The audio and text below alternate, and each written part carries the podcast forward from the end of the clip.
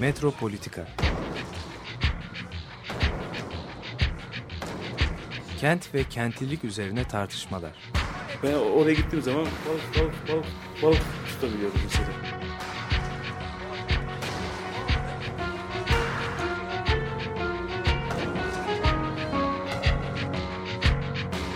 Hazırlayıp sunanlar Aysin Türkmen, Korhan Gümüş ve Murat Güvenç. Takusuyor yani. kolay kolay boşaltamadı. Yani elektrikçiler terk etmedi Perşembe Pazarı merkezinde. Merhaba sayın dinleyiciler. Bugün e, ilk kez bu programın açılışını ben yapıyorum. Metropolitika'nın Murat Güvenç. Bugün Aysim Türkmen'le beraberiz. Bugün e, Korhan yok. Yalnız başımızdayız. Merhaba sevgili Açık Radyo dinleyicileri. Şimdi bugünkü programın formatını da biraz değiştirdik. Biliyorsunuz Kor Korhan olmayınca biz de formatı değiştirme özgürlüğüne sahip olabiliyoruz. Bugün biraz kitabiyat yapacağız. Yeni yayınlanan bir kitaptan bahsedeceğiz.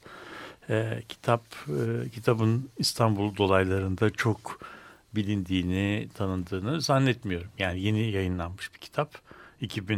2017'nin Ağustos'unda çıkmış yani artık çiçeği burnunda diyebiliriz. Yani daha henüz mürekkebi kurumamış. İlhan Tekeli'nin yazdığı bir kitap. İzmir ili ve kenti için bir tarım, sarımsal gelişme ve yerleşme stratejisi başlığını taşıyor. Ee, İzmir Büyükşehir Belediyesi'nin e, ne ait Akdeniz Akademisi'nin bir yayını. Ee, bu yayında yani İzmir'in bugünkü e, İzmir dediğimiz e, ne diyelim yerleşme sisteminde tarımın bugünü, dünü, gelişme e, stratejilerinin ne olabileceği konusu e, tartışılıyor. Aslında e, biraz dünyadaki hani neoliberal e, tarımın neoliberal çizgideki hani e, şeyde tartışılıyor. Dü özellikle Türkiye'nin genel e, tarımdaki çıkardığı yasalar, e, yasal çerçeveler e, ve neoliberalizmle birlikte tarımın nasıl dönüştüğü, nasıl değiştiği de tartışılıyor. O yüzden hani e, sadece İzmir değil aslında çok Tabii. önemli bir aslında özet e, hani öz, e, 1980'den itibaren Türkiye'deki e, tarımın tarımın tarihini çalışan insanlar ya da bununla ilgilenen insanlar ve hepimiz içinde Evet. neler oldu, neler yaşadık ve bugün yediklerimiz, içtiklerimiz nereden geliyor, nereden nasıl geliyor? geliyor, nasıl geliyor ile ilgili çok önemli bir kitap. Evet şimdi şimdi dünyada bir de bunun haricinde Aysim'in söylediklerinin haricinde bir de dünyada bugün e, extended urbanism yani genişletilmiş kentçilik, kent çalışmalı, şehircilik diye bir alan var. Burada bu e, konvansiyonel modernist kent tanımına meydan okuyan, e, onunla şey yapan yeni bir kent anlayışı. Burada kent artık kır dediğimiz ve kentin dışında yer aldığı e, düşünülen bir e, oluşuma referansla tanımlanmıyor. Yani kırla kentin çok açık bir sınırı yok. Kırla kent aslında bu yeni anlayışta iç içe geçiyorlar. Kır bir yerde kenti şekillendirirken de e, kentin etkisi kırın en ince, en ucra noktalarındaki hücrelere kadar hissedilebiliyor. Yani bu durumda Burada benim bazı sorularım var aslında. Ee, şimdi e, il başka bir şey aslında değil mi? Kentle il aynı şey değil. değil kesinlikle Yani hani mesela kesinlikle biz kesinlikle değil. aynı şey gibi kullanıyoruz. Tabii, bu çok, çok önemli aslında. Ha, tabii, Coğrafyacılar hani tabii, bu tabii. anlamda Hiç- çok belirgin tabii, bir şey tabii. söylüyor. Yani burada, burada yerleşme, şehir, büyük şehir, il, ilçe bunlar yani Türkiye'deki insanların kafasında tam bir çorba oluyor. Yani o yüzden bu kitap birazcık da onu e, o konuya bize bu konuda çok önemli bir zihin açıklığı da veriyor diyelim bir kavramlarımızı berraklaştırma konusunda. Şimdi Aslında kavramlar hani birbirlerine yakınlaşırken ilk defa hani berraklaşıyorlar. Daha önce farklı anlamlarda olanlar aslında Evet. yani kentle il e, gitgide aynı Evet. e, anlama Şey, gelmeye başladı. başladı. Eskiden nasıldı aslında? Yani Evet. Biraz onu ben de şey yapmak yani, şimdi, şimdi eskiden nasıldı onu, onu size Ha, söyleyeyim. yani Şimdi- e, şey önemli hani coğrafyacılar il sınırını nasıl tas- tasvir ederlerdi, kenti nasıl tasvir ederlerdi ve bu kent ve kır ayrımları sizler için mesela çok daha net. Hani bizim için e, flu şeyler bunlar. O yüzden aslında hani sanayi e, döneminde, sanayileşme döneminde bunları e, hani coğrafyacılar nasıl tanımlıyordu, sonra nasıl değişiyor? Evet. Şimdi bu e, şimdi bir kere il, ilçe dediğimiz birimler e, ta Fransız devriminden e, kalan ve Türkiye'nin o zaman idari açıdan çok örnek aldı Fransa'dan Türkiye ithal edilmiş olan kavramlar. Yani bu, bunlar bir ülke toprağının idari açıdan en anlamlı biçimde bölünüş şunu şey yapıyor. İl, il denen şey bu. Yani şeyde e, Fransızca'da buna da prefektür deniyor. Prefektür deniyor. Prefe denen yani valinin oturduğu yer, il. Valinin hükmettiği yer. Vali ise merkezi idarenin taşradaki e, gücünü temsil ediyor. Yani Cumhurbaşkanı ülke ulus devletleri neyse vali de taşrada Cumhurbaşkanı yetkilerine sahip bütün devlet örgütünün taşradaki şeyi. Bu e, il dediğimiz şeyin hiçbir fonksiyonel e, şeyi e, bütünlüğü falan yok.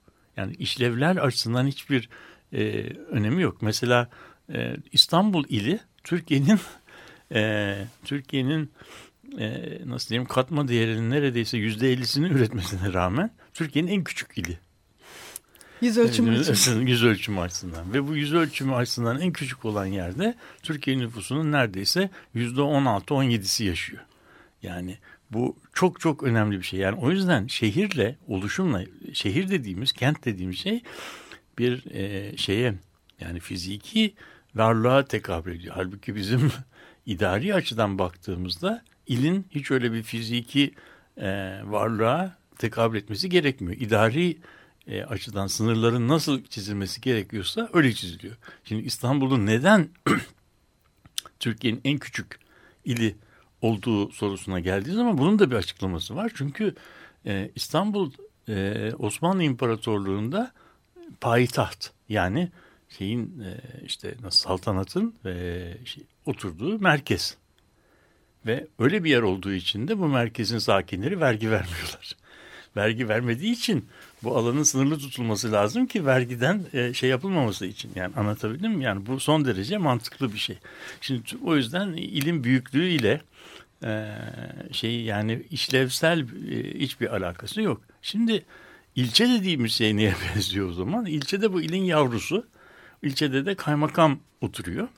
Kaymakam da vali yerine e, o ilçeye bakıyor. Yani bir çeşit e, kaymakam işte e, lieutenant gibi bir şey. Yani lieutenant yani kaymakamın kaymakam şeyin yerine yani valinin ilçedeki daha küçük birimdeki yerine bakıyor. E, ve onun sınırları nasıl temsil ediyor? Onun oturduğu yerden bir günde gidilebilecek yerlerin sınırları üzerinden şey. Yani ilçe merkezinden kaymakam işte bir günde nerelere kadar gidebilirse oralarına ilçe demişler. Yani ilçelerin sınırları da öyle e, belirlenmiş. Tabii belirlendiği tarihteki ulaşım teknolojisinde yolların durumuna filan bağlı. Tabii zaman içerisinde bunlar değişiyor. Ve o yüzden de bugünkü durumlar ortaya çıkıyor. Eskiden nasıldı dediğimizde eskiden de bir il vardı. İdari açıdan İstanbul ili. Bir de İstanbul kenti vardı. İstanbul kenti ile İstanbul ili arasında bir boşluk vardı. Yani İstanbul kenti İstanbul ilinin tamamını kapsamıyordu. Bir yerde bitiyordu.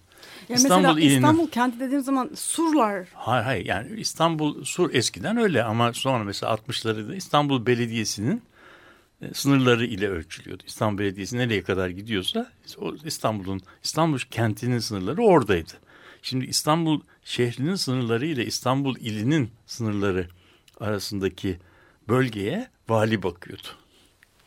İstanbul kentine ise belediye başkanı bakıyordu. Yani İstanbul'da demek ki ye, ye, yerel yönetim dediğimiz şey valinin kontrolündeki alanlar ve kentin kontrolündeki alanlar olarak ikiye e, ayrılıyorlardı. Anladın mı? Şimdi zaman içerisinde teknolojiler gelişti. Yani bu kitabın anlatacağımız kitabın e, oluşumundaki şeyle beraber de e, şey e, artık e, bu eski idari çizgiler yani bir zamanın teknolojisine idari herhangi bir e, bir varlığa, bir işlevsel bütünlüğe tekabül etmemeye başladı. Yani bu çizgiler var ama yani böyle idari çizgi ve şeyler yani kentin akımları bu çizgileri çok aşıyor. Öyle olduğu zaman da giderek şeyin önce kentlerin sınırlarını valinin oturduğu yerden 50 kilometrelik bir çemberin içinde kalan yerler diye tanımladılar Büyükşehir yasasında.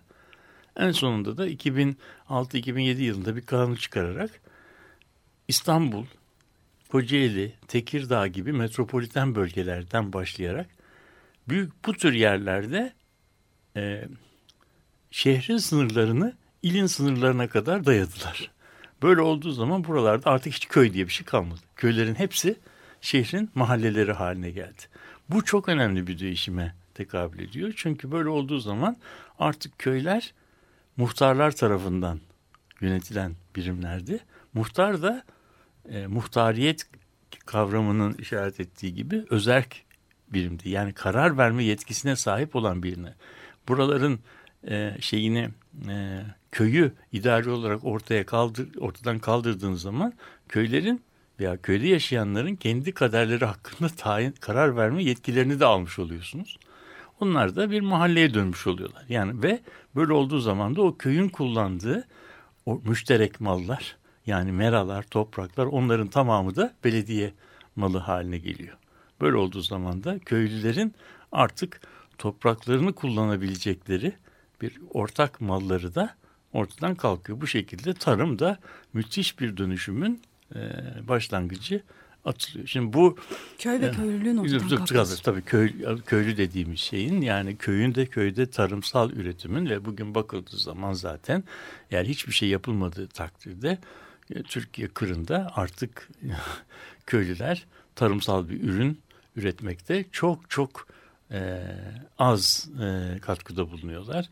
Büyük bir yerde köyler artık bir takım e, nasıl diyelim yaşlıların, emeklilerin oturduğu, gençlerin artık oturmadığı Kendi bahçelerinde domates yetiştirdikleri ve yani böyle bir şey. Ama tabii bu kırda bir dönüşüm olmadığı anlamına gelmiyor.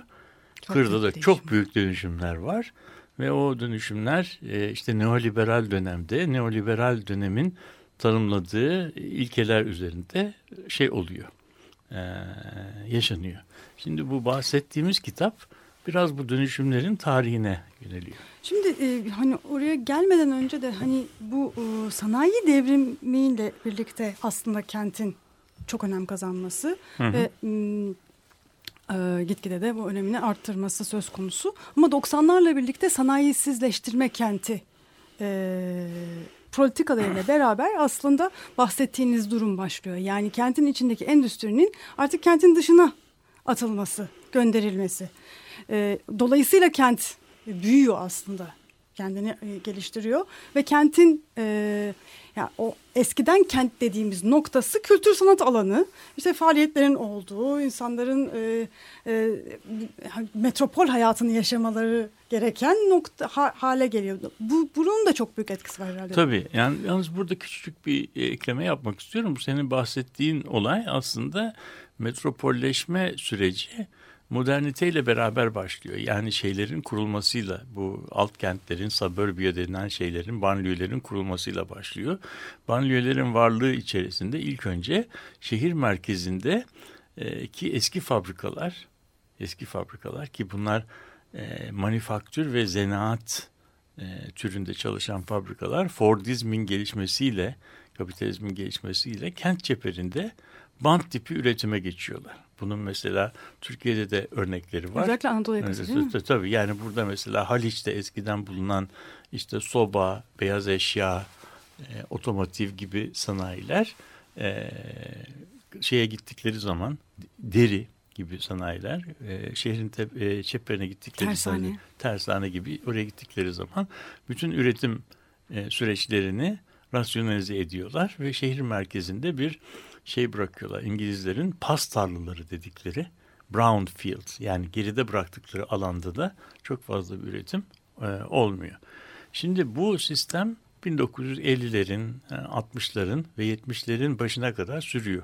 Şehir bir çeşit e, dışarıya doğru büyüyor. Ama dışarıda insanlar şehrin merkezinde de daha çok servis fonksiyonları oluyor. Bunlar tek merkezli şehirler. Şehrin merkezinde de o alıştığımız Amerikan şehirlerindeki gökdelenler var. Gibi tarzı. gibi ama 1970'ler krizinden sonra artık bambaşka bir süreç oluyor. O da şu artık bu metropol ülkelerde, büyük ülkelerde bu sanayiyi e, şehir merkezinde ve şehrin çeperinde sürdürmek imkanı yok. Şey petrol o kadar pahalanmış, işçi ücretleri o kadar pahalanmış ki bu sanayinin artık o memleketlerde yaşaması mümkün değil. Onları ülke dışına tercihen ucuz emeğin olduğu yerlere taşımak lazım. Ve onların bıraktıkları alanları da başka şekillerde değerlendirmek lazım ki senin söylediğin gibi çoğu kez bunlar kültür sanat e, imkanlarıyla şey oluyor. Şimdi bu süreç bu süreç bir defa başladığı zaman şehrin artık e, şehir, şehir çeperi artık e, eskiden alıştığımız gibi insanlı bir yatakhane değil. Yani şehir merkezine gidip gidip gelen insanların günlerini geçirdikleri, gece konakladıkları yerler değil. E, işte imalat, ticaret, eğlence, tarım, depolama, lojistik, ulaştırma fonksiyonların içeri iç içe geçtiği, daha önce hiç örneği olmayan ve işte ona e, böyle çeper kentleşme veya şehir bölgesi, city region, kentsel bölge denen bambaşka bir oluşum ortaya çıkıyor. Bu oluşum ortaya çıktığı zaman artık bu oluşumu e, eski zamanın köy e, yönetimi üzerinden yönetmek mümkün değil. O zaman ne deniyor? Bu, bu ortalıkta bir oluşum var. Bu oluşum ana kentle iç içe ve ancak ana kentle etkileşimleri üzerinden e, şey yapılabilir, anlaşılabilir. Onun için yeni bir e, idari yapıya, yapılanmaya ihtiyaç var. Nitekim bu yapılanmada Türkiye'de başladı. Biz de ona bütün şehir yasası diyoruz. Bu bütün şehir yasasında İstanbul, İzmir filan gibi yerlerde e, yani Türkiye'deki e, nüfusun belki yüzde sekseninin yaşadığı şehirlerde Büyük artık şehir. artık Büyük bütün şehir. bütün şehir Bütün şehir. bütün şehir bütün şehir Büyük şehirden farkı ne? Farkı şu. Büyük şehir e, yaptığı zaman il ile il sınırı ile büyük şehir sınırı arasında bir bölge kalıyor. Orayı vilayet idare ediyor. Gene kalıyor. Yani. Büyük şehirde de kalıyor, Kalıyor. aslında. Ama bütün şehirde artık hiç öyle bir yer kalmıyor. Ve yani artık bütün vilayet bir belediye haline geliyor. Mesela Muğla'yı düşünürsen, Muğla'yı düşünürsen, e, Muğla Büyükşehir Belediyesi ki Muğla'da, Muğla şehrinde. Muğla Büyükşehir'de. De, o Muğla Büyükşehir'i aynı anda Datça'yı, Fethiye'yi, Bodrum'u. Yatağan'ı, Bodrum'u e, şey yapıyor. Tıpkı böyle düşünürsen İstanbul'un yani Datça ile Muğla arasındaki mesafe en azından 200 kilometre. Ama bunların arasındaki idari bağlantı tıpkı İstanbul'un herhangi bir ilçesiyle büyükşehir arasındaki ilişki şeyine indirgemiş. Böyle olduğu zaman ortalıkta muazzam bir problem var. Çünkü burada yani şehre benzemeyen ama kırda olmayan bir büyük alanlar var. Bu alanlarda işte ormancılık, tarım, seracılık bir sürü şeyler yapılıyor. Ve bu, bu alanlar ne olacak? Nasıl e, dönüşecek? Bu yeni dünya sistemine nasıl e, katılacak? Bu sistemin nasıl e, sürdürülecek? Bunu şey yapmak lazım. Yani bunu, bununla uğraşılıyor. Evet. Bir kısa müzik arası verelim diyoruz. Evet. Ee, ve bu müzik e, Londra'dan e, bahsedecek. The Smiths'ten dinleyeceğiz. Ancak e, şimdi e, sözlerde şöyle bir hikaye var. Bir genç trene binmek üzere çok büyük bir e, karar almış şehre Londra'ya göç edecek e, ve e, ailesi platformda bekliyor, arkadaşları bekliyor ve üzüntülü haldeler. Bir anda sorguluyor yalnız bunlar sadece üzüntülü mü yoksa acaba çok mu kıskanıyorlar beni diye. yani Londra'ya gitmek çok büyük bir şey hani Evet. eskiden İstanbul'a göç etmek gibi.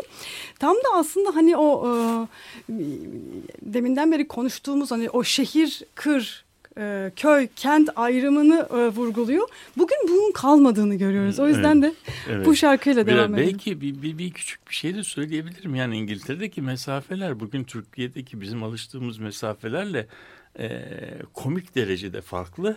Yani İngiltere'de böyle birbirinden ayrılacak işte uzaklara gidiyorum oradan oraya gidiyorum dedikleri mesafeler büyük yer. İngiltere'nin hiçbir yeri zaten denize 100 kilometreden fazla uzak değil. Daha bir yerden şey yapabiliyorsun.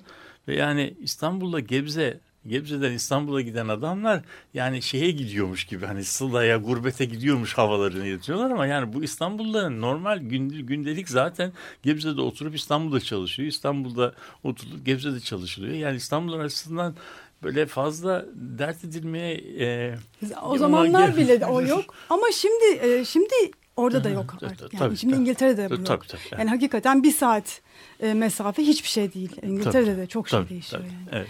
Evet Smith'ten dinliyoruz Londra.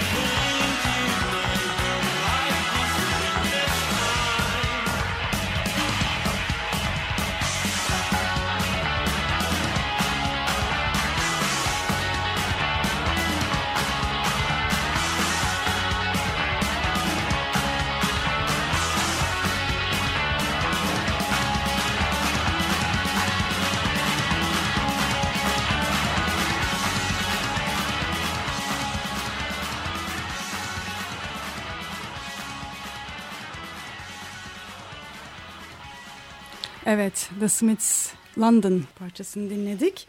Ve e, İlhan Tekeli'nin İzmir ili ve çevresi için tarımsal gelişme ve yerleşme stratejisi e, 2017 Ağustos'unda yayınlanmış olan bu e, kitabını konuşmaya devam ediyoruz Murat Güvenç'le birlikte.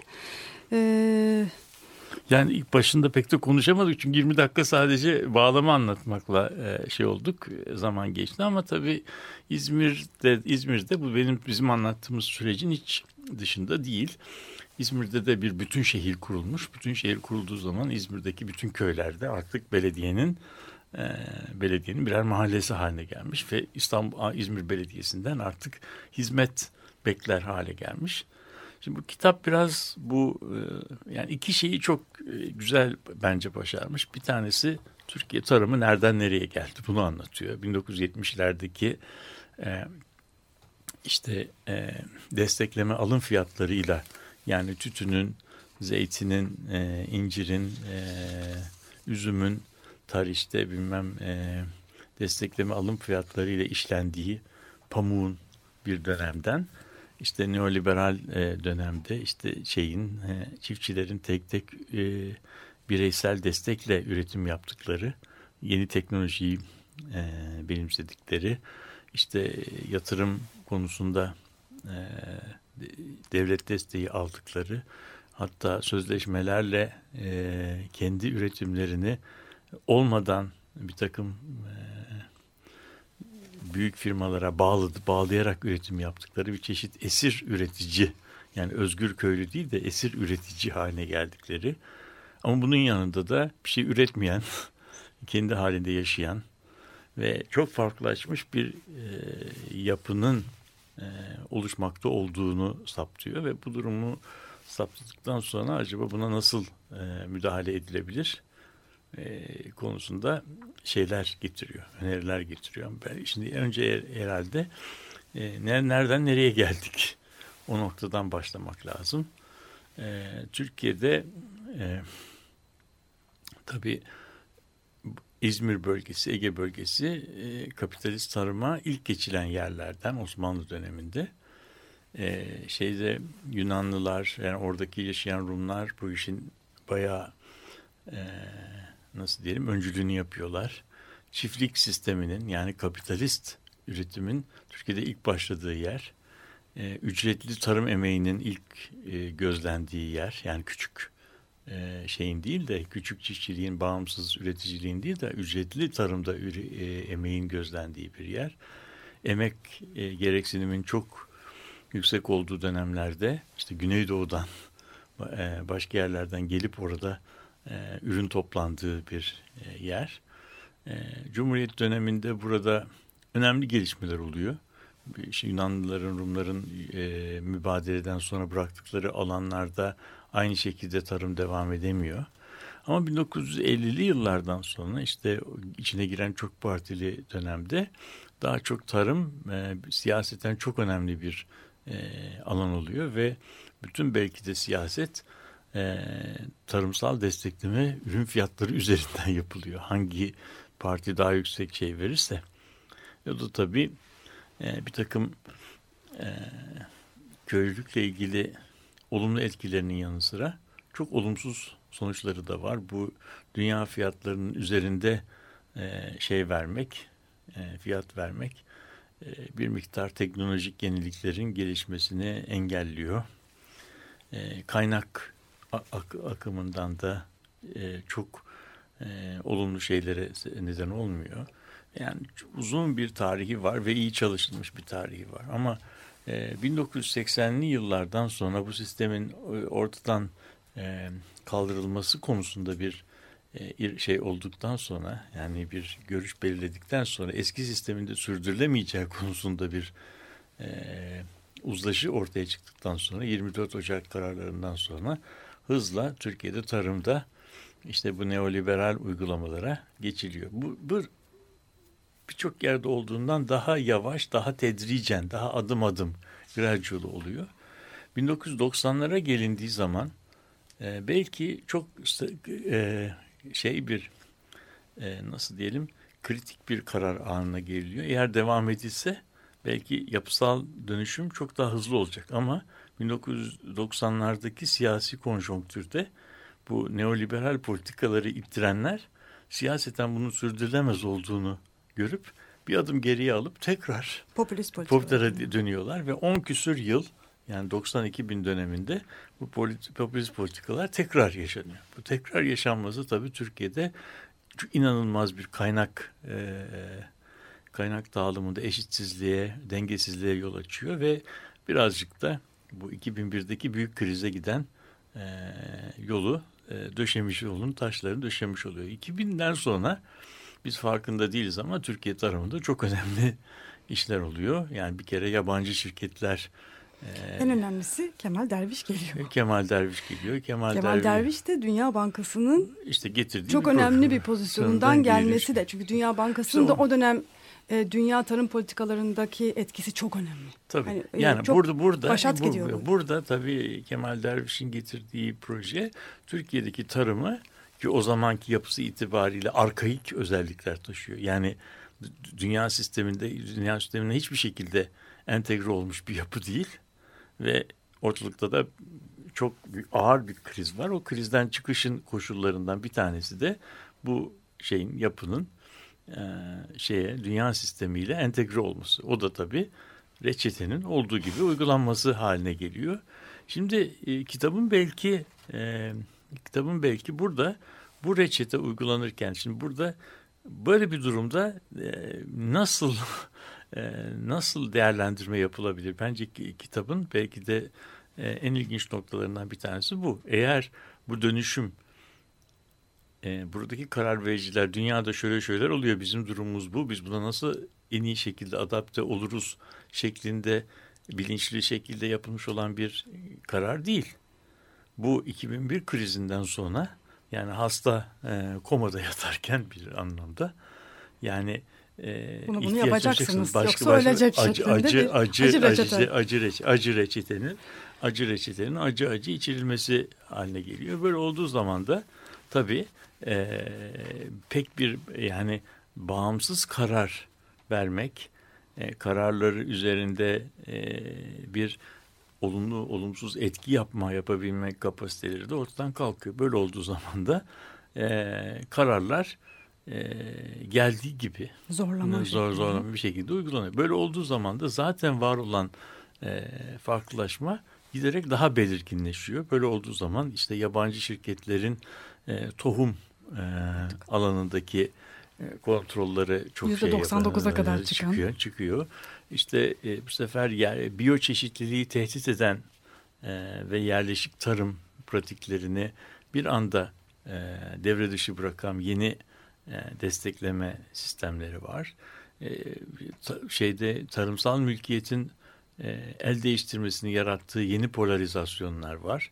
E, bir miktar toprakların e, ekilmemesi ama ekilebilen topraklarda çok daha kapital yoğun e, üretime geçiş süreçleri var. Dolayısıyla küçük çiftçilerin, küçük Küçük- üreticilerin Artık, gitgide evet. oyundan e, dışlanması, Dışlanması. ve büyük üreticilerin, endüstriyel tarımı yapabilecek kapasitede olanların Olanların bunun aktörü haline gelmesi. gelmesi var filan. Yani bu bunlar kitabın bunlar kitabın belki üçte ikisinde e, toplu şey olarak çok ayrıntılı bir şekilde e, bütün bu işlere katılmış olan paydaşların yaptıkları odak grup toplantılarındaki görüşler üzerinden anlatılıyor. Bir şey daha atlamayadan söyleyeyim. Yani biz Dünya Bankası ve hani o, o dönemki işte ekonomik krizle birlikteydik. Bir de tabii bu süreçte Avrupa Birliği uyum süreci var. Yani Avrupa Birliği'nin tarımsal politikaları da aslında hani neoliberal çizgide düzenlenirken e, Türkiye de bu e, ekonomik e, açıdan bunlara benzediği için tarım da Avrupa Birliği'ne paralel, Avrupa Birliği'ndeki gelişmeleri, paralel gelişmeleri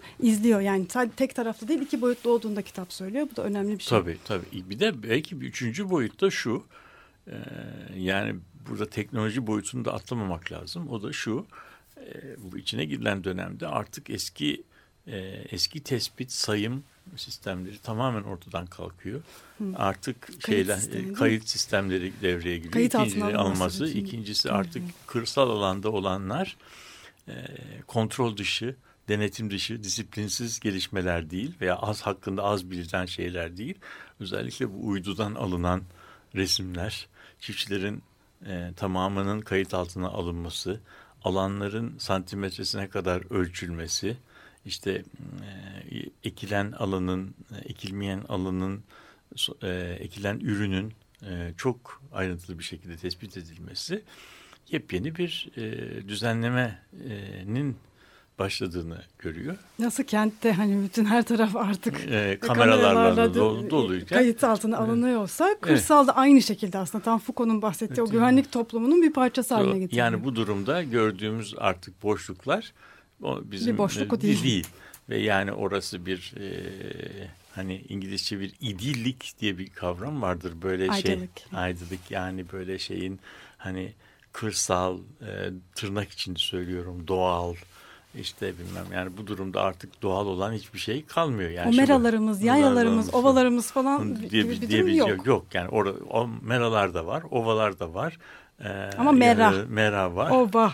O Hepsi var. dı hani ve tırnak içine evet, alınmış. Yani bunlar her birisi, her birisi regüle, regüle edilmiş şeyler var. Şimdi mesela artık e, tavuk e, denildiği zaman e, tavuğun ne kadar gezeceği, acaba gezecek mi, gezmeyecek mi? Onların e, hesabı yapılıyor. Yani İneklerin şey, de şeyde yani burada ne yiyeceği, ne nasıl, yiyeceği. Nasıl mesela yani burada bir mal aldığınız zaman e, içerisindeki yumurtanın e, gezinen tavuktan mı yoksa e, salma tavuk diye bir kavram şey yapmışlar. Hani çayıra salınan tavuğa salma tavuk deniyor. O çok kıymetli. E, kıymetli. Çünkü o, o, o tavuk gezinebiliyor. Çünkü diğerleri gezinemiyorlar. Zavallılar e, bir yerde e, hapis vaziyette e, duruyorlar ve ömürlerini orada yumurtalarını yumurtluyorlar. Ondan sonra kesilene kadar hayatlarını öyle e, geçiriyorlar. Şimdi bu tabii bu süreçler bu süreçler bir taraftan dünya sistemine uyum şeyini yaparken bir taraftan da alternatiflerini yaratıyor. Yani işte bu durumda e, bu oyunda kaybeden veya kaybedeceğini görenler e, yeni e, oluşumlar yapıyorlar. Yani kooperatifleşmeler, köyü yeniden keşfetmeler gibi mesela köyüne sahip çıkmak. çıkmak, köyüne sahip çıkmak. İşte organik tarım, organik tarım, e, salma tavuk, ondan sonra şey e, topraksız tarım. Yani şeyin e, ürünün toprakta değil de kimyasal ortamda yetiştirmesi ki bu da çok ilginç bir şey. Böyle olduğu zaman bir metrekare alanı e, apartman gibi çoğaltarak yani düşey tarım yapmak imkanı oluyor. Çünkü şeyler, bitkiler artık e, gereksinim duydukları mineralleri topraktan değil, e, içinde bulundukları sudan alıyorlar. Yani artık şeyler, e, bitkiler suda, çiçek gibi suda yetişiyor. Yani suda yetişiyor. Ve insanlar da suya enjeksiyonla o içkinin şeyin e, e, bitkinin gereksinim duyduğu e, mineralleri, besinleri suya veriyorlar. Yani toprak artık aradan çıkıyor. Şimdi böyle olduğu zaman bir metrekare toprak e, muazzam verimliliklere şey yapıyor. Mesela bakarsanız Hollanda dikey tarım. Dikey tarım. Yani artık Hollanda tamam. kendi ölçeğinin dünyanın en önemli tarım ürünleri ihracatçısı oluyor. Şimdi Hollanda'nın bütün alanı Türkiye'nin Trakya'sından daha küçük bir yer. Ona rağmen bu küçük bir yerde dünyaya kendisine değil bütün dünyaya e, tarım ürünleri, çiçek, e, çiçekti, işte e, hayvan ürünleri, e, işte bir sürü malzemeyi mamalı agriculture produce diyebilen, ithal edilebilen bir alan haline geliyor. Kitabın ama mesela şeyde Hollanda'da falan da köy falan, köylü falan yok işte, onlar yok işte, artık. Hayır yani burada burada işte buradaki şey Köy, Gerek de yok aslında. Hayır köy hiçbir zaman or, orada belki çok uzun zamandır. Köy dediğimiz şey aslında geçimlik üretimin yapıldığı yer. Kendi kendine geçinebilen. Yani geç, şimdi kö, geçimlik yani artık köylü dünyanın çok az yerinde kendisi için e, bir şey üretiyor. Köylünün çok ürettiği, büyük lüks artık o değil tabii, mi? Tabii yani o çünkü kendisi için ürettiği zaman e, kendisi için ürettiği zaman uzmanlaşmamış olması, farklılaşması lazım. Hı. Kendisi için gerekli olan her şeyi üretmesi lazım. Balı da üretmesi lazım, patates de üretmesi lazım, meyveyi de üretmesi lazım. Şimdi öyle olduğu zaman da bütün orada bir müthiş bir biyoçeşitlilik var. Biyoçeşitlilik var ama verim yok. Verim olması için bunun monokültüre dönmesi lazım. Maalesef. Yani o monokültür dediğimiz şeyde de çiftçinin tek bir ürünü üretmesi, onu pazarda satması, onu sattığı sattığı parayla bütün diğer şeylerini de ihtiyaçlarını da onun üzerinden karşılaması lazım. Yani. Aslında bu noktada e, yani e, kent e, modernin başlangıcından itibaren hep köye e, karşı kendini konumlamış ya. Yani tamamen aslında köyü fethetmiş durumda. Tabii yani bir, yani bir şekilde. 21. yüzyılın şu döneminde bu tamamlanmış durumda. Yani köy Tabii. kalmadı. Yani Evet. şey de çok ilginç yani biraz John Berger okuyorum da yani o e, köylülükle ilgili e, çok farklı bir şekilde kafamı da açıyor. E, şey hani hep irrasyonel zaten. Hep modern karşıtı, bağnaz, geleneksel. Hani böyle zaten hep bildiğimiz o ilerlemeci zaman çizgisinin hep dışında e, konumlandırılmış, temsil edilmiş Öyle, bir öyle olmasa da öyle yani. Öyle olmasa da öyle ya öyle o- öyle değil zaten diye anlatıyor sürekli John Berger. Yani tam da aslında hani o demin bahsettiğimiz o kendi kendine yeten o e, köyün ne kadar kompleks bir sistem olduğunu, onların günde- gündelik yaşantısının nasıl kompleks bir sistem olduğunu modernitenin çok ciddi kaçırmış olmasıyla neleri kaybettik aslında. Hani bu bahsettiğimiz evet geliştik şu anda.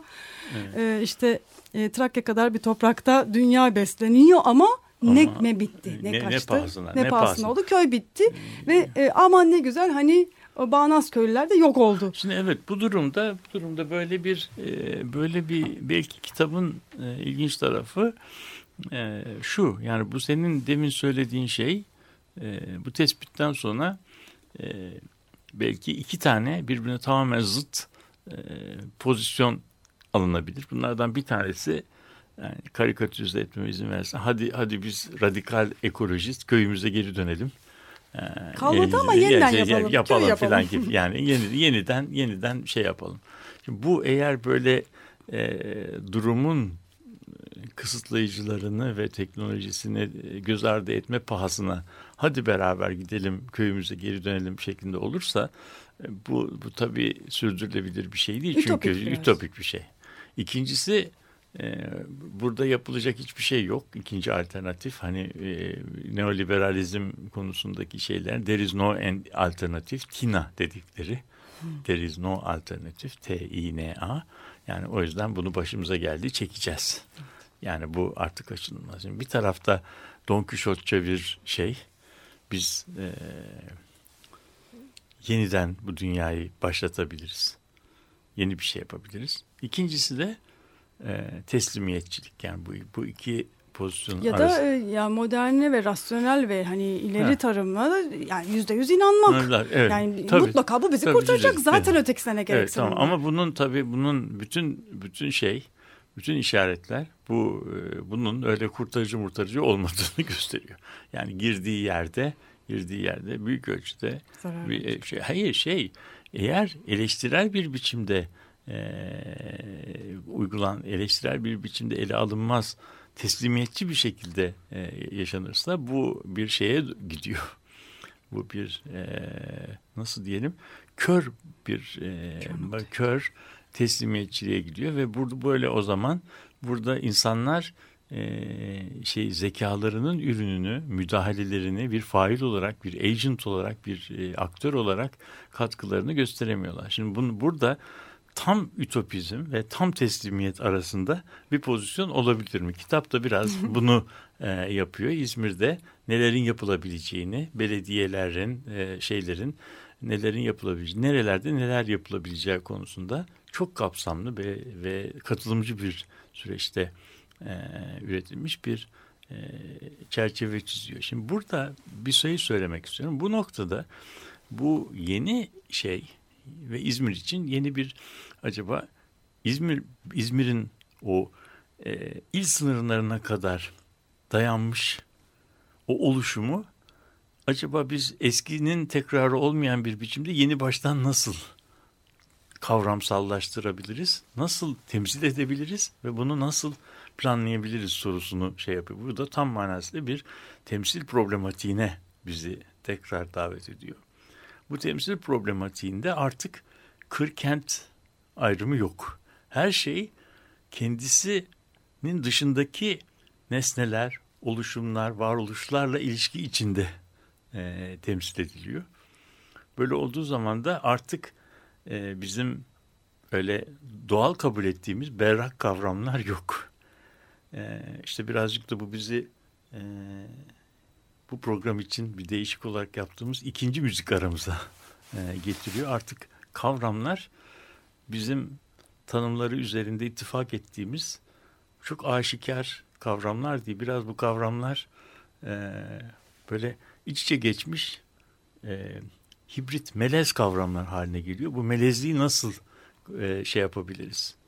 Temsil edeceğiz. Temsil edebiliriz. Ha, bu konuda belki ufuk açıcı olabilecek bir şey e, şarkıyla devam edelim. İkinci müzik aramızda John Lennon'ın 1971 yılında ürettiği e, ilk solo albümünden Love. Love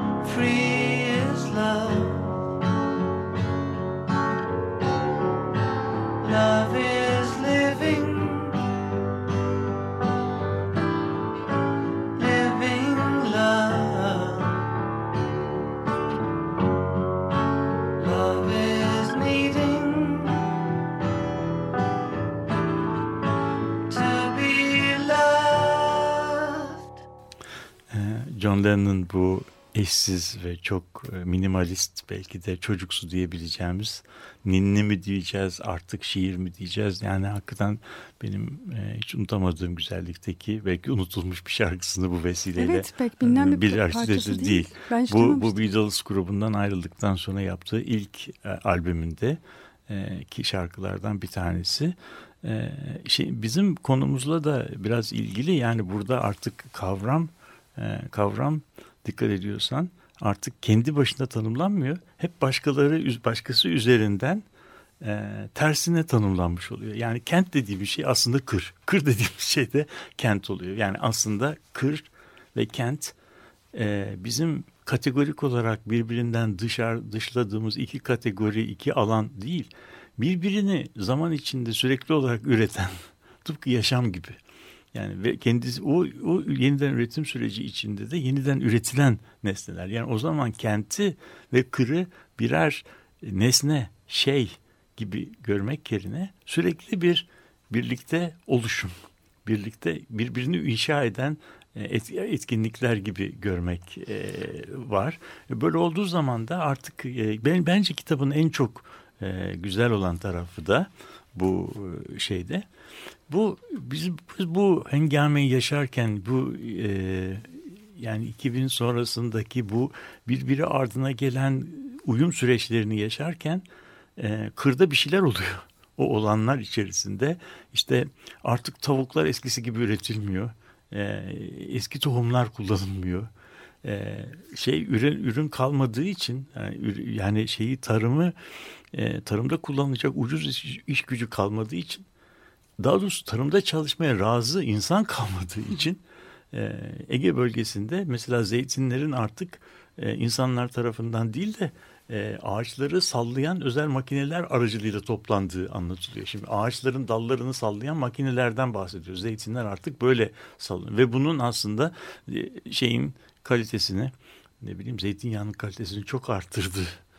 E, efendim güneşten elde edilen güneş enerjisi ile e, şey kurutmanın e, meyve kurutmanın eskisinden çok daha yüksek verimlere e, çıktığı ve ama burada artık eski eski sürdürülebilirliği kuşkulu teknolojiler yerine yeni teknolojik e, buluşların e, kullanılmaya başlandığını ve insanların da bütün bu süreçlere böyle çaresizce edilgen bir şekilde e, teslim olmayıp kendi kendilerine bir şeyler yapmayı da denediklerini görüyoruz. İzmir Belediyesi'nin de burada yaptığı çok ilginç şeyler var. Mesela tarlaların arasında giden yolların asfaltlanması gibi.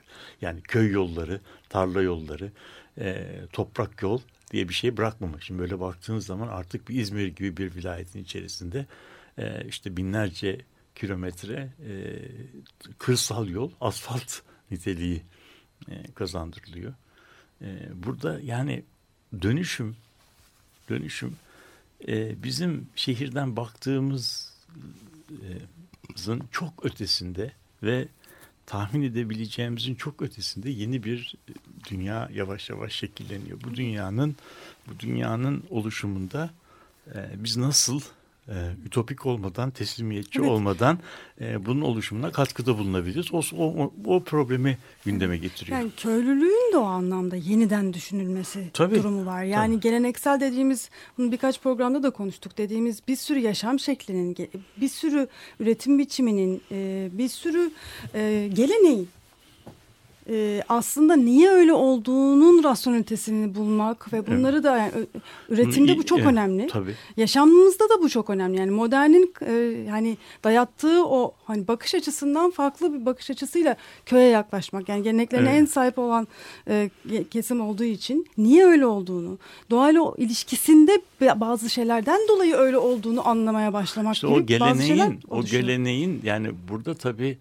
e, belki en önemli nokta e, modernitenin kendi dışındaki ötekiyi değerlendirmede kullandığı e, terimlerin ne kadar e, kaba, ne kadar duyarsız, ne kadar e, taraf Ötekileştirici. taraf tarafgir olduğunu ve anlamadan çok yargılamaya, dışlamaya e, e, yönelik olduğunu ve bu dışlama aslında dışlayarak ne yapmaya çalışıyorlar? Dışlayarak aslında dünyanın kompleksitesini e, indirgemeye, basitleştirmeye ve bir anakronizme indirgemeye ve kendi kurdukları basitleştirilmiş dünyayı hayata geçirmeye çalışıyorlar. Geçiriyorlar yani, e, yani. Geçiriyorlar. E, ama şimdi böyle Ama dünya bunu kabul e, etmemeye işte, başladı. hayır, iklim değişikliği dediğimiz işte bunu yaptığın olmuyor zaman artık. evet, hayır yani bunu bunu e, bunu eskiden lokal düzeyde yaptığın zaman bunun şeyini e, bedelini o yerel topluluklara ödetebiliyordunuz. Yerel Yıllarca ekolojilere. öde- Ama bunu dünyada herkes bu oyunu oynamaya başladığı zaman bunun bedelini e, işte yer küre ödüyor. Artık e, mevsimler değişiyor. E, şeyler e, de, nasıl diyelim türler kendilerini yeniden üretemez hale geliyorlar. Arıların yok olduğu bir e, dünyada e, besin zinciri e, şey oluyor. Bunun e, mikroplar üzerinde e, ve dünyadaki yer küre üzerindeki yaşam üzerindeki etkilerinin ne olacağı konusunda en küçük bir fikrimiz yok. E, ama sanki biliyormuş gibi müthiş bir güvenle de bunları e, yapmaya e, devam ediyoruz. Yani kitapta e, şey yapılan e, bu teslimiyetçi olmayan, e, teslimiyetçi olmayan ama hayalci de olmayan. İşte bu İlhan Bey'in çok uzun zamandır e, yani düşünce sistemin arka planda olan eleştirel gerçekçilik yani bir e, failliği faili e, öne çıkaran ama e, bunu e, Don Quixote'ça e, ütopik bir biçimde değil de var olan durumun kısıtlayıcılarının bilincinde olarak yapmaya çalışan bir şey bir bir bir programa bağlamaya çalışıyor. Bu durumda tabii e, İstanbul bu kitabı İstanbul'dan okumak e, İstanbul'a komşu bir yani komşu sayılabilecek 200 kilometre 300, 300 kilometre ötedeki bir şehir bir vilayete nelerin yapılabileceğini aynı toplumda görmek bir taraftan da insanlara şey veriyor. Ben de e, bir şey daha hani deminki konuştuklarımızla da bağlantılı bir de kavramlardan hani müziğimizle de bağlantılı olarak şey düşünmeye başladım. E, kitabı okurken sürekli o geldi. Yani mesela modern geleneksel kavramları sonra 1990'lardan itibaren küresel ve yerel. Mesela bugün yerel kavramı bana hiç e, tatmin edici gelmiyor. Yani yerel Tabii. kavramı yerine belki yeni bir kavramın da türetilmesi gerekiyor. Böyle Bu bir şey yok, bahset- böyle. Evet yerellik denilen şey hani küreselle bağlantılı olmayan hiçbir e, santim kalmadığı için yerel demeknin de hani bir şey Bir de, yok. bir de şey bu e, eğer yerel diye bir şey var ise o hakiki ise küresel neyin üzerinde duruyor o belli değil. Yani küresel dediğimiz şey nasıl bir aslında küreselle yerel e, deminki şeyle e, deminki e, metaforlarla düşünürsek sürekli olarak birbirlerini yeniden üreten iki tane kavram. Yani nasıl, deminki şarkıda olduğu gibi e, bir sözcük öbürkü sözcük oluyor. Öbürkü sözcük de öteki Tekrar, ters evet. oluyor. Yani sonra bunlar arasında sürekli böyle bir şimdi bu küresel yereli üretiyor. Yani o zaman bu şarkının terimleri devam edersek küresel yereldir, yerel de küreseldir demek e, zo- zorundayız. Böyle olduğu zaman bu kavramlar artık bizim İşlevsiz alıştığımız e, alıştığımız hermetik kendi içine kapalı kavramlar olmaktan çıkıyor. Birbirleriyle e, etkileşim içinde birbirlerini tekrar yeniden üreten kavramlara e, dönüşüyorlar. İşte bu bence e, bizim 21. yüzyılda e, kentlerin oluşumunu yeni baştan düşünmemizin ne kadar zamanının geldiği konusunda böyle e, çanlar çalıyor diyebilirim. Belki e, yani il oldu, kent oldu. Şimdi yeni bir kavram. E, tabii gelecek. başka bir şeye yani Evet. bu bu şeylerin Metropol Şimdi, tabii şey, yetmeyecek. hayır burada yetmeyecek. Buradaki bu bütün şehir kavramı da yetmeyecek. Çünkü bütün şehir kavramıyla biz bu oluşumu il sınırlarına kadar getirdik. E, komşu il orada başlıyor. Orada başka bir bütün şehir. Aslında bunlar ikisi bir bütünün parçaları. Yani bugün İstanbul'la e, Tekirdağ, İstanbul'la Kocaeli. şey Kocaeli arasındaki ilişki o e, sa- sanal vilayet sınırında bitmiyor ki o sınır böyle kevgir gibi bir şey yani her tarafından geçiliyor. Yani orada bir orada bir şey basit bir sınırdan ibaret var. Şimdi ibaret. Şimdi o yüzden yeni durumu yeni baştan düşünmek lazım. Evet, Önümüzde bu- uzun bir şey var. Bu kitap bize böyle düşünceler Evet. getiriyor. Bir daha söyleyelim isterseniz. İzmir ili kenti için bir tarımsal gelişme ve yerleşim yerleşme stratejisi İlhan Tekeli tarafından yazılmış ve İzmir Büyükşehir Belediyesi Akdeniz Akademisi yayınlarından çıkmış. Ee, zannediyorum bu e, akademiden de temin edilebilir yani. Ee, çok değerli bir şey olduğunu düşünüyorum. Biz İstanbulluların da buradan öğrenecek çok şeyleri var. İnşallah İstanbul içinde bu Bir kapsamda. kitaptan bir çalışmalar olabilir. Bekleyelim. bu haftalık da bu kadar diyoruz. İyi haftalar.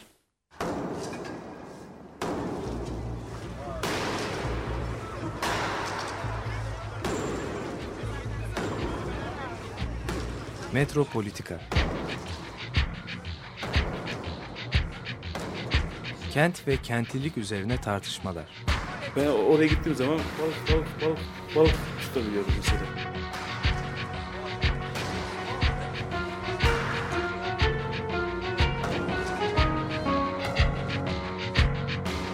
Hazırlayıp sunanlar Aysin Türkmen, Korhan Gümüş ve Murat Güvenç. Takusuyor ki. Kolay kolay boşaltamadı. Yani elektrikçiler terk etmedi Perşembe Pazarı merkezinde. Açık Radyo program destekçisi olun. Bir veya daha fazla programa destek olmak için 212 alan koduyla 343 41 41.